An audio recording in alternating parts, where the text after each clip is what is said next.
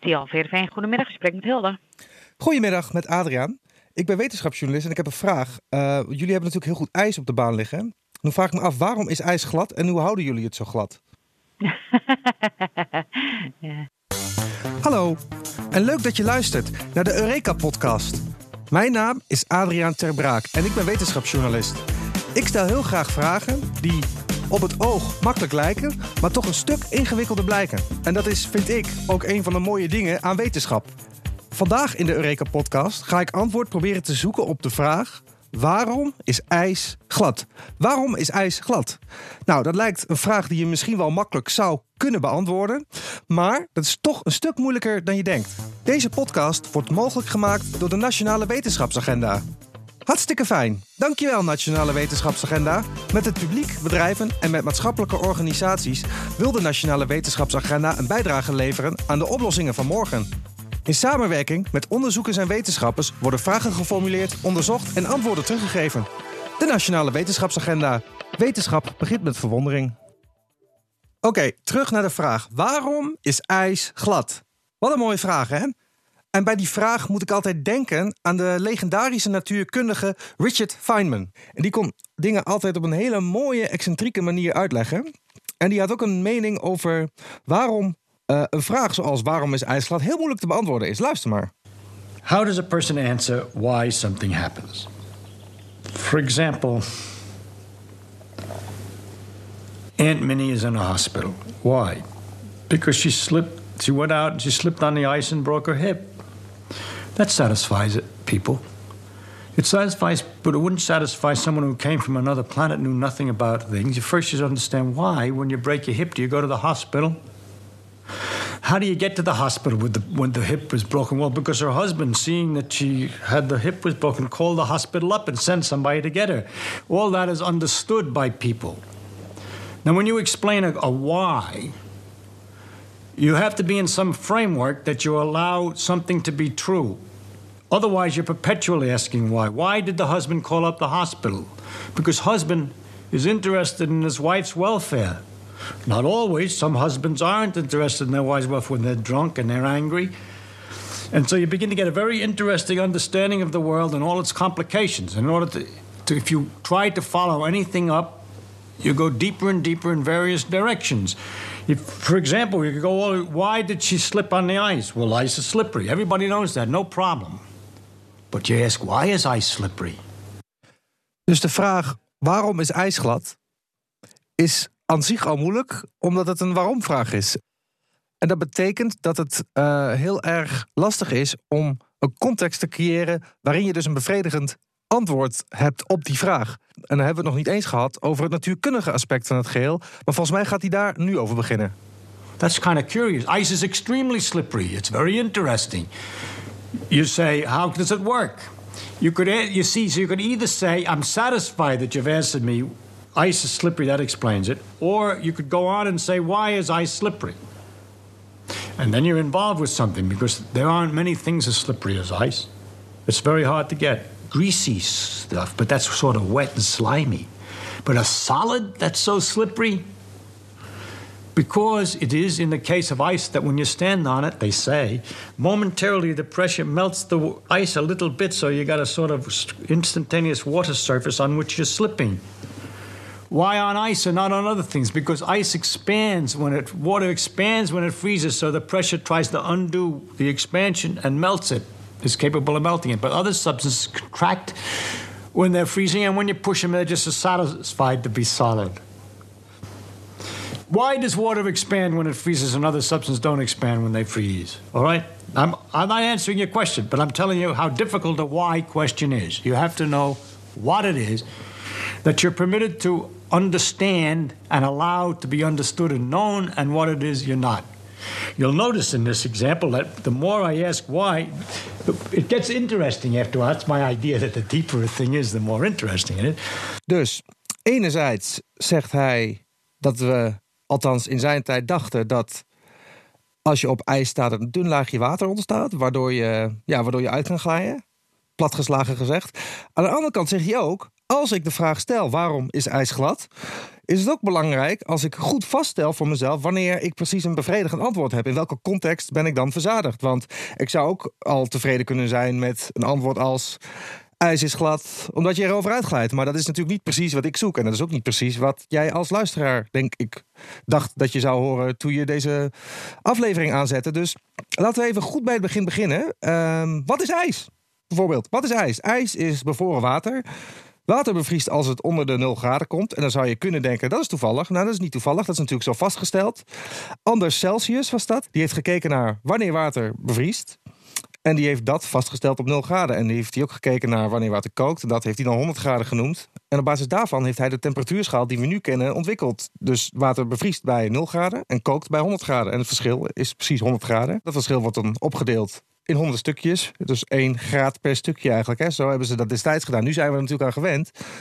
Maar daar zou je haast vergeten dat er natuurlijk altijd één iemand is geweest die dat voor het eerst heeft bedacht. En dat was dus anders uh, Celsius. Wat is gladheid? Ook zoiets. Wat is gladheid? Um, ja, dat is ook wel moeilijk om misschien precies te definiëren. Uh, als ik op de grond sta, kan ik lopen, omdat ik mezelf eigenlijk afzet op de grond. De, de, ja, de zolen van mijn schoenen die ervaren eigenlijk wrijvingskracht met de vloer. En zodra ik op bijvoorbeeld ijs sta, zou ik denken, dan is die wrijving weg, waardoor mijn voet wegglijdt. En dat is dan, denk ik, de, gladheid. Je kan je niet meer afzetten, je been glijdt weg. Dat, dat, is natuurlijk wel een beetje een wollige definitie van gladheid, maar dat is ja, dat is wel zo'n beetje wat het is, denk ik. En ook wat, wat mensen in het algemeen denken dat gladheid is. Misschien wel gebrek aan wrijving. Ja, laten we daar maar van uitgaan. Dus, nou ja, goed. Waarom is ijs glad? Om deze vraag te beantwoorden, uh, doe ik eigenlijk eerst even wat ik altijd doe als ik een vraag heb. Want iedereen, denk ik, doet als ze een vraag hebben. Gewoon even lekker googelen, hè? Even kijken. Uh, kijk, Willem Wever heeft het er ook over. Dat is mooi. Dus als ik nou eerst even 150 cookies van de NPO accepteer... dan kan ik lezen dat Vroeger dachten de mensen dat ijs glad is, omdat het bij hoge druk eerder smelt dan normaal. Dat zit zo, dubbele punt. Een schaatser drukt met zijn gewicht op het ijs. Hierdoor wordt het tussen de schaats en het ijs warmer. Het ijs smelt dan een beetje. Er komt een dun laagje water tussen het ijs en de schaats. Het ijs voelt door dat extra laagje water glad aan, dachten de mensen. Inmiddels weten we dat dit niet klopt. Oh, oké, oké, oké. Dat klopt dus niet. IJs bestaat net als alles uit piepkleine onzichtbare deeltjes. Dat zijn moleculen. Moleculen kunnen trillen. De moleculen in de bovenste laag van het ijs trillen zo hard dat het lijkt dat ze vloeibaar zijn. De schaats van de schaatser glijdt makkelijk door dit vloeibare laagje heen. Oké, dit vind ik een beetje vaag. Het ijs voelt hierdoor glad aan. Het is onder dit laagje wel stevig, zodat zo zakt de schaatser niet door het ijs. Oké. Hoe kouder het wordt, hoe minder goed moleculen kunnen trillen. Bij 180 graden onder nul gaat het daarom mis. Dan bewegen de moleculen zo langzaam dat het ijs plakkig wordt. Oh ja, dan komt deze zin. Maar ja, wie wil er nou bij die temperatuur schaatsen of sleeën? Oké. Maar het is dus. Um, het is als je googelt, krijg je heel veel resultaten die met schaatsen te maken hebben. Maar schaatsen is natuurlijk meer een toepassing van de gladheid van ijs, maar niet per se. Niet per se essentieel voor de verklaring, denk ik. Want als ik gewoon met mijn schoenen op ijs ga staan, glij ik toch ook uit, zou ik zeggen. Wat, me ook, wat ik ook opmerkelijk vind in deze verklaring is dat het gaat om een laagje water. Maar als ik een laagje water op de stoep gooi, ga ik niet gelijk uit. Pas als het bevriest, gelijk erover uit. Dat is toch raar. Terwijl, wat ook zo is natuurlijk, als ik bijvoorbeeld kijk in mijn vriezer. Stel je voor, ik laat mijn vriezer een dag openstaan, dan ontstaat er ook een ijslaagje. Maar dat is niet glad, dat laagje, omdat het, dat is eigenlijk heel hard ijs. Dus, dus als ik zo hardop denk, dan heb ik het idee dat gladheid van ijs wordt niet per se veroorzaakt door water, maar zonder water zou het er ook niet zijn. Dus water is essentieel voor de gladheid, maar is niet per se de hoofdreden voor gladheid. Want nogmaals, ik kan ook een plas water op de stoep gooien en dan glijdt ik niet uit. Maar als het water er niet is, zoals in mijn vriezer, dan is het ijs ook niet glad, denk ik. Laten we even verder kijken. Misschien de schaatsbond. Hè? De, de Koninklijke Nederlandse Schaatsbond is het toch? Oh ja, laat ik die even bellen. Welkom bij de KNSB. Oké. Een ogenblik geduld, alstublieft. U wordt zo spoedig mogelijk te woord gestaan. Blijft u aan de lijn? U wordt zo spoedig mogelijk te woord gestaan. Goedemiddag KNSB, Sven Karin van Zoeren. Goedemiddag, met Adriaan te Braak. Ik uh, heb een vraagje. Ik ben wetenschapsjournalist en ik vroeg me af, waarom is ijs glad? Weten jullie dat misschien? Nou, ik, ik zou het niet zo weten. Eh, ik, het lijkt me handig dat je even die vragen per mail eh, stuurt naar info.khsb.nl en dan stuur ik hem door. Nou, wie dan? Nou, dat ga ik even bekijken. maar je hebt zelf geen idee? Nee, ik zou eigenlijk niet zo eh, weten. Dus als u dat even wil doen, heel graag. Nou, dan doen we dat. Dankjewel. Ja, oké, dank je. Oké, Dag. hoi. Nou. Oké, nou dan mail ik even. Hè? Zo ben ik dan ook alweer. Even kijken, dat is info.knsb.nl Hallo, mijn naam is Adriaan. Ik ben wetenschapsjournalist. Ik heb een vraag. Waarom is ijs glad? Hopelijk kunnen jullie me helpen. Dankjewel. Nou, hopelijk krijg ik eh, over een paar dagen antwoord. Dat gaan we zien. Ik kan het ook nog even vragen bij Tialf. Dat is natuurlijk de grootste schaatsbaan van Nederland. Laat ik hun even bellen. Tial Veerveen, goedemiddag. Gesprek met Hilde. Goedemiddag, met Adriaan. Ik ben wetenschapsjournalist en ik heb een vraag. Eh, jullie hebben natuurlijk heel goed ijs op de baan liggen. Nu vraag ik me af, waarom is ijs glad en hoe houden jullie het zo glad? ja. Eh, er zitten natuurlijk wel een paar geheimen in, hè? Maar Oh, eh, echt? zou, je, Oh. zou, zou je wat voor mij willen doen? Ja? Zou je dit op de mail willen zetten naar info.tiaf. Dan komt hij bij mij terecht en stuur ik hem door naar Beert Boomsma. Hij is de hoofd van onze technicus en van het ijs. Oké, nou helemaal te gek. Dan gaan we dat doen. een antwoord terug. Ja? Oké, heel erg bedankt. Jullie doen het zo. Oké, dank je. Hoi. Oké, die ga ik ook even mailen. Maar dan krijg ik natuurlijk wel de ijsmeester van Tialf. Eh, nou ja, niet echt direct aan het woord, maar wel. Die gaat wel mijn vragen beantwoorden. Dus misschien weet hij er ook wel meer van. Spannend. Nou, ik heb de ijsmeester van Tialf aan de lijn gehad. En die zei het volgende over waarom ijs glad is. als het ijs heel koud is, ehm, ehm, het gaat om eigenlijk het filmlaagje wat bovenop het ijs ligt. Dus op het ijs is het redelijk koud, hè, de top, toplaag. Daar kan je heel makkelijk overlopen. Maar door middel van eh, druk en eh, de, de glijweerstand over het ijs van de ijzer ontstaat er een filmlaagje. Waardoor de, de schaats dus gaat glijden, zeg maar. Dus als je, en als je het ijs doet het zonder schaats, Ja. laat je het naar de 0 graden toe gaan, dan wordt die waterlaag die bovenop het ijs ligt, die wordt groter. En dan wordt die ook steeds gladder. Maar dan is hij weer te zacht om op te schaatsen. Ja, oké. Dus, Dus eh, het is- het- er is een waterlaag. Eh, die waterlaag is essentieel. Ja, het waterlaagje wat ge- gecreëerd wordt tussen een schaats of tussen een schoen en het ijs. Oké, maar Dat, maakt- dat maakt het glad. Oké, maar wat dan raar is, eh, als ik, een, als ik een emmer water op de stoep gooi, dan ga ik niet uit. Nee, maar je moet het, ijs is natuurlijk een, eh, een eh, dat zijn kristallen. Ja? En eh, dat wordt een vaste vorm. En vaste vorm en water wordt dan glad, zeg maar. Een va- Een vaste vorm in water wordt glad. Ja, vaste vorm water is ijs. En een water op ijs is heel glad. Ja, precies. Maar ja, ik vraag me dus af, hoe, hoe, kan het dat het wel op Nou, ijs dan is, maar niet dat- op de stoep? Dat is een beetje, dat vind ik zo Nou, grappig. Ja, dat is wel een puntje wat je nu hebt, zeg maar. Maar ehm, je vergroot eigenlijk met ijs, ver- vergroot je die watermoleculen aan de, eh, aan de oppervlakte van die ijslaag, dat het, eh, dat het eh, weer begint te glijden. En dat zijn allemaal kleine moleculen waar je dus. ehm, het, is een soort smeer, het wordt een soort smeerolie. Het wordt een so- soort smering. En dus als je beton hebt en je gooit daar olie overheen, dan is de olie je glijdende factor. Het beton op zich is niet glad, maar je krijgt een smeermiddel tussen de, de vaste vorm en. eh, en eh, ehm, Ja.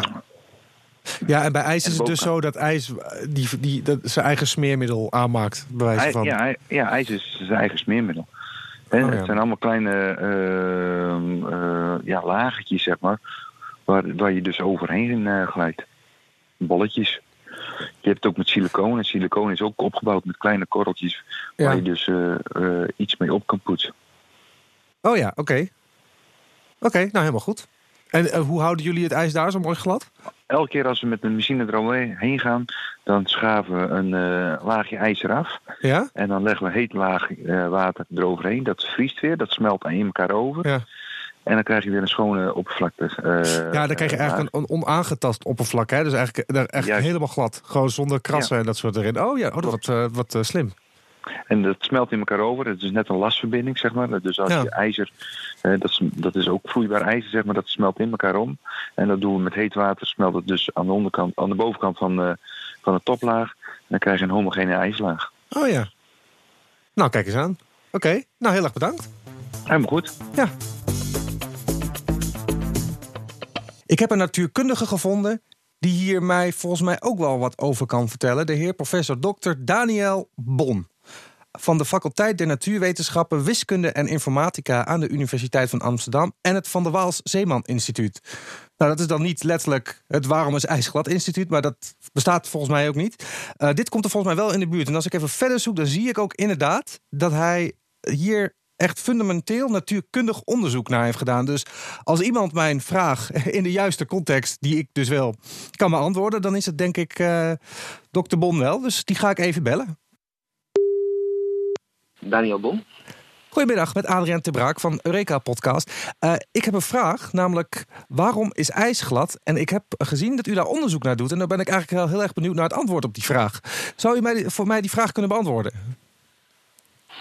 Eh, dat, wil, dat wil ik heel graag. Eh, Oh. Maar we zijn nog steeds bezig met het onderzoek. Oh, kijk aan. Eh, nou, ik ook. Maar ik kan, ik, kan, ik kan waarschijnlijk wel een tipje van de sluier oplichten. Oh, nou, heel spannend. Iedereen, denkt, ja, iedereen denkt dat ijs glad is omdat er een laagje water op ligt. Ja, Er zijn verschillende verklaringen waarom er een laagje water op ijs eh, zou liggen. Maar onze meest recente experimenten laten eigenlijk zien dat er misschien helemaal geen laagje water op ijs ligt. En dat het waarschijnlijk ook niet ontzettend veel met de wrijving te maken heeft. En als je het ook moet uitleggen, dan zeg ik van ja, als ik hier water op de vloer gooi, dan kun je er ook niet op schaatsen. Dus is, is zo'n laagje water nou eigenlijk wel een verklaring? Ja, nee, dat is inderdaad wat ik me ook afvroeg. Eh, maar ik kan me voorstellen dat je, als, als het water op de stoep ligt, bij wijze van, dan, dan zak je door dat water heen als het ware. En op ijs gebeurt dat dan op een of andere manier niet. Dat was een beetje de, Ja, de, huistuin- en keukenverklaring. druk- ja, ja, de druk onder een schaats is veel groter dan, eh, eh, dan de druk onder, onder je voet.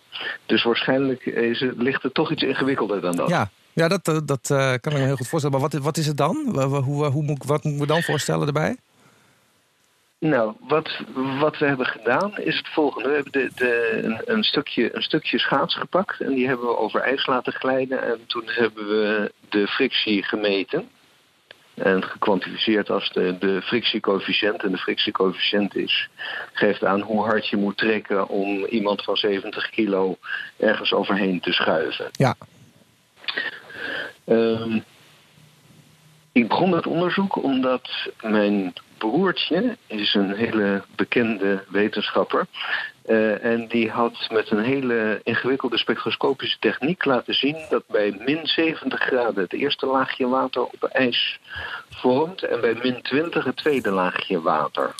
Dus, Eh, er komt nog een laagje water overheen. het- Ja, en als je, hoe, hoe dichter je bij het smeltpunt komt, is dan het idee hoe, hoe dikker die laag water wordt. Oké, Eh, dus wij hebben een schaatsexperiment gedaan van min 100 tot 0 graden. en hoe doe je zoiets? Eh, Eh, je zegt nu een schaatsexperiment in min 100 graden, maar wat moet ik me dan bij voorstellen? Een, Nou, dat is echt een, een, stukje, een stukje schaats of een, of een bolletje. Ehm, dat we met een, met een mechanisch testapparaat eh, over het ijs bewegen. Dus we maken in een, in een bakje maken we een, eh, een laagje ijs. Dat bakje kunnen we koelen met vloe- vloeibare stikstof. Dus dat kunnen we makkelijk afkoelen tot, eh, tot min 100. ja? Ehm, en eh, dan hebben we dus een laagje ijs en dan drukken we dat bolletje erop, of dat schaatsje, een stukje schaats erop, met een bepaalde kracht. En dan meten we de kracht die nodig is om, eh, om dat voorwerp over het ijs te bewegen. En de verhouding tussen de, de trekkracht en de kracht waarmee we daarop drukken, noemen we de frictiecoëfficiënt. Ja. Nou, die meten we dan van min 100 tot 0. En toen hoopte ik dat er iets heel spectaculairs zou gebeuren bij min 70 en bij min 20. Maar er gebeurde eigenlijk helemaal niks. Eh, vandaar mijn, mijn, mijn eerdere opmerking. eh, misschien is het helemaal geen laagje water. Dan gaat het, dan gaat het dus niet over de wrijving. Dat is eigenlijk wat de conclusie is. Nee, dus eh, als er al een laagje water is, dan doet het niet veel met de wrijving. Nee, precies. Want, eh, oké, ja, nee, dat- oké, ja. Maar wat is het dan wel? Ehm, Nou ja, het leuke is dat we vinden dat de, de, die frictiecoëfficiënt eh, heel erg temperatuurafhankelijk is. En dat die eh, temperatuurafhankelijkheid verklaard kan worden met eh, de, wat we noemen de mobiliteit. De, de, de, het gemak waarmee het eerste laagje eh, ijsmoleculen over het oppervlak beweegt. Dus ik, ik zie het oppervlak van eh, een, een kristal zoals ijs is, zie ik als een soort grote schuifpuzzel. En eh, net zoals in een schuifpuzzel kunnen de individuele blokjes, en in dit geval dus de individuele ijsmoleculen, die kunnen bewegen en die, die doen dat ook. Eh, en die beweging, de diffusie noemen we dat, heeft een bepaalde temperatuurafhankelijkheid. En dat is precies de temperatuurafhankelijkheid die we vinden voor de frictiecoëfficiënt. En wat we dus denken is dat er één laagje hele mobiele moleculen zijn.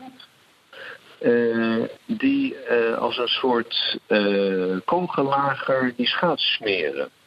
Oké, Ik vergelijk het altijd met wat, wat er zou gebeuren als ik, dus als ik hier een laagje water op de vloer leg. Dan kan ik er nog steeds niet op schaatsen en makkelijk op lopen. Maar als ik de hele kamer zou vullen met kleine kogeltjes uit een kogelager, dan Ja. Ga ik waarschijnlijk wel vallen. ja.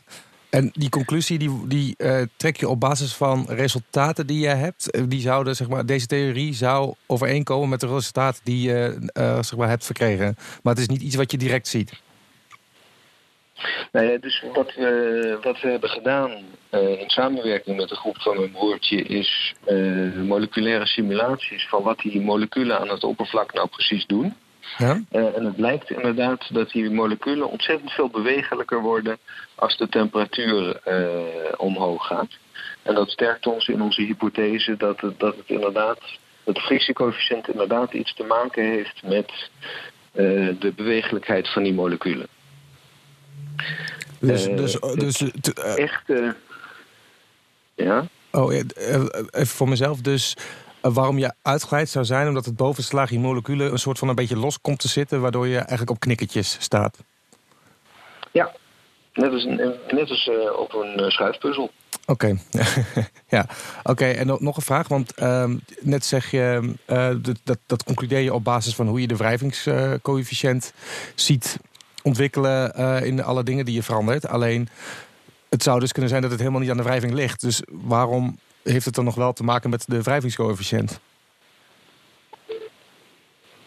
Nou, dat, dat is de grote vraag die we nu proberen te beantwoorden. Maar wrijving is echt een ontzettend ingewikkeld eh, probleem.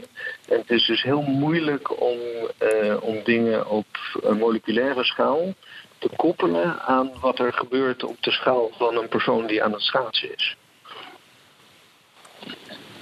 Oké, en, eh, oké, eh, maar dat zijn dus de uitdagingen die je dan aangaat en de problemen die je probeert op te lossen op een of andere manier. Dat, dat, dat is waar we nu ontzettend eh, hard over aan het nadenken zijn. En eh, zijn er al oplossingen voorhanden of methodes eh, die, die lijken eh soelaas Nou, te bieden? Dus eh, tot, tot nu toe hadden we alleen maar de temperatuur eh, gevarieerd. Maar je kunt natuurlijk ook de snelheid van de schaats variëren. En als eh, je dan naar hele lage temperatuur gaat, dan worden die moleculen eh, die worden traag, die moleculen op het oppervlak. En dan zien we ineens dat als je bij hogere snelheid probeert te schaatsen, dat het dan moeilijker wordt. En ook dat is in, in, in overeenstemming met onze hypothese. Dus we hopen dat als we genoeg parameters variëren, eh, dat we eh, een goed beeld krijgen van eh, hoe, hoe dat macroscopische schaatsen nou gerelateerd is aan wat er op moleculaire schaal gebeurt. Maar kijken, kijken naar de moleculen tijdens het schaatsen is, is heel moeilijk. Oh ja, dat, oh ja dat, dat kan ik me voorstellen. Ja. Eh, Hoe, wat is precies de hypothese nu? Dus de hypothese is, eh, het is een, eh, een schuifpuzzel met hele, eh, met hele bewegelijke moleculen. Ja? En als je bijvoorbeeld de snelheidsafhankelijkheid van de frictiecoëfficiënt kan meten, dan kun je op een gegeven moment zien dat de schaats sneller gaat dan de moleculen kunnen bijhouden. Dan ja? wordt het dus moeilijker om te schaatsen. En, Als je daar ehm, een kwantitatieve theorie van zou kunnen maken, dan eh, kun je misschien bewijzen dat het inderdaad het goede, de goede hypothese is. Oké, dat is wel interessant. Ook wel een hele. Want vroeger dachten we iets anders, toch? Vroeger dachten we echt alleen gewoon, eh, je staat erop, de druk verhoogt, daardoor smelt het, laagje water en je glijdt uit. Dat was een beetje wat, wat we eerst dachten. Ja, Maar ja, hoe, ja, hoe, ja. hoe, hoe Maar kan het dan dat we dat vroeger dachten als dat toch niet zo is? Dat is toch heel bijzonder eigenlijk. Maar nou ja, oké. Eh, daaruit blijkt hoe moeilijk, hoe moeilijk het probleem is. Dus eh, het, het feit dat je met druk eh, ijs kan doen smelten, eh, kun je al zien door het feit dat een ijsblokje drijft op het water. Maar je hebt feitelijk zo'n ontzettend hoge druk nodig om een laagje water op het ijs te vormen, dat je die nooit kan bereiken onder een schaats. Daarbij is het ook nog zo dat dat mechanisme beneden de min 20 niet werkt. En er zijn Elfstedentochten gereden beneden de min 20. Ja, nou, fascinerend wel. Ja, dus nou, dan is er ook nog de theorie dat, dat eh, het komt door de wrijvingswarmte van de schaats. Eh, dat is een theorie die ook aangehangen wordt door onze collega's uit eh, Leiden.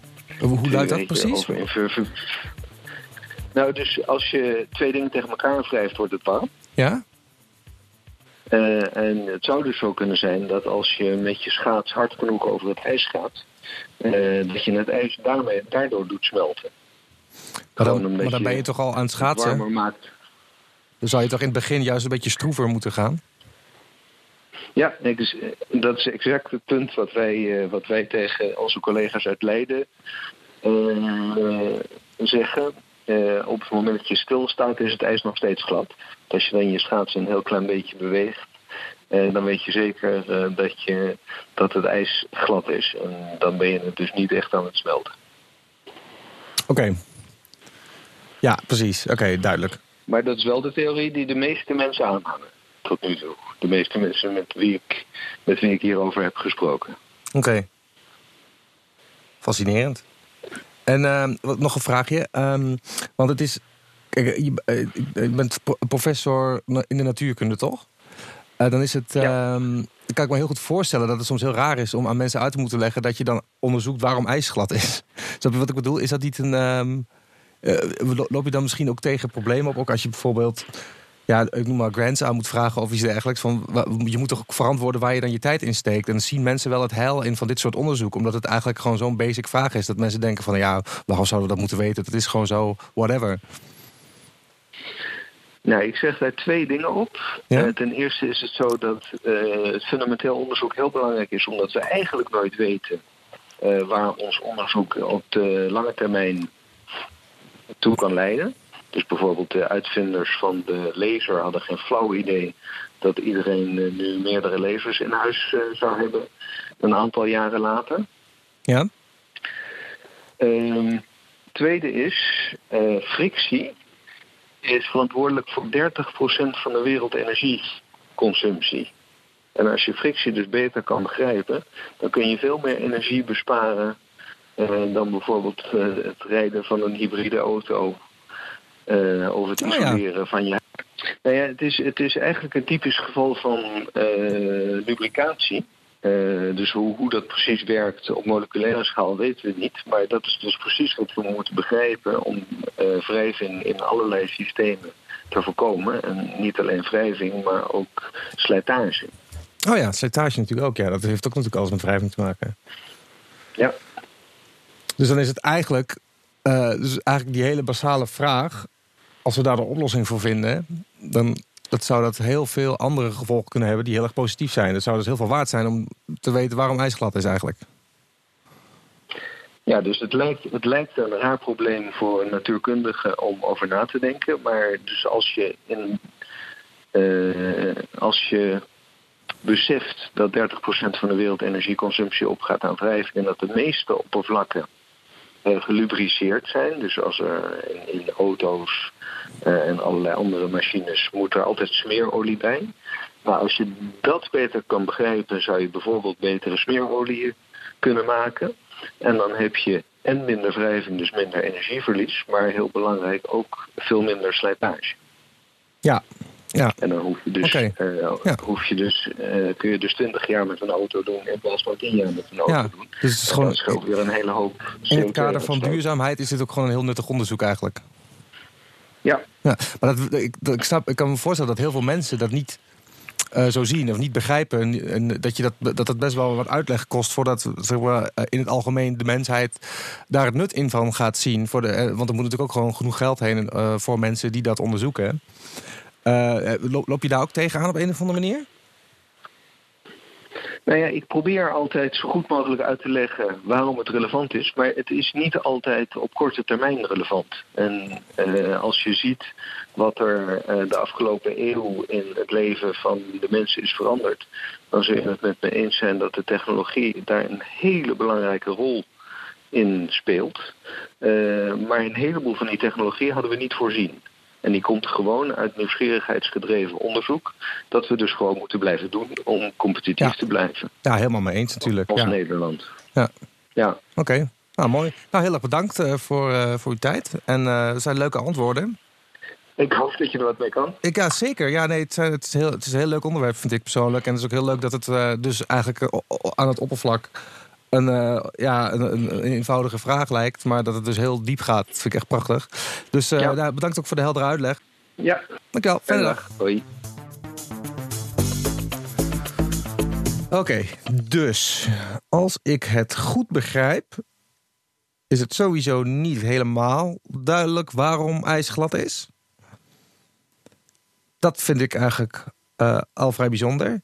Maar de theorie is dus nu dat het is omdat de watermoleculen op het ijs een beetje los zitten, waardoor het dus net is alsof je over een tapijtje van knikkers glijdt. Eh, dat vind ik een hele mooie theorie. Een andere theorie is, eh, overigens, daar moeten we er ook bij zeggen, het is natuurlijk niet zeker, maar een andere theorie is dat door de wrijving eh, de schaats of de schoen warm wordt, waardoor de boel glad wordt. Dat lijkt mij persoonlijk minder waarschijnlijk, maar ja, wie ben ik? Ik doe er zelf geen onderzoek naar, of misschien toch een beetje.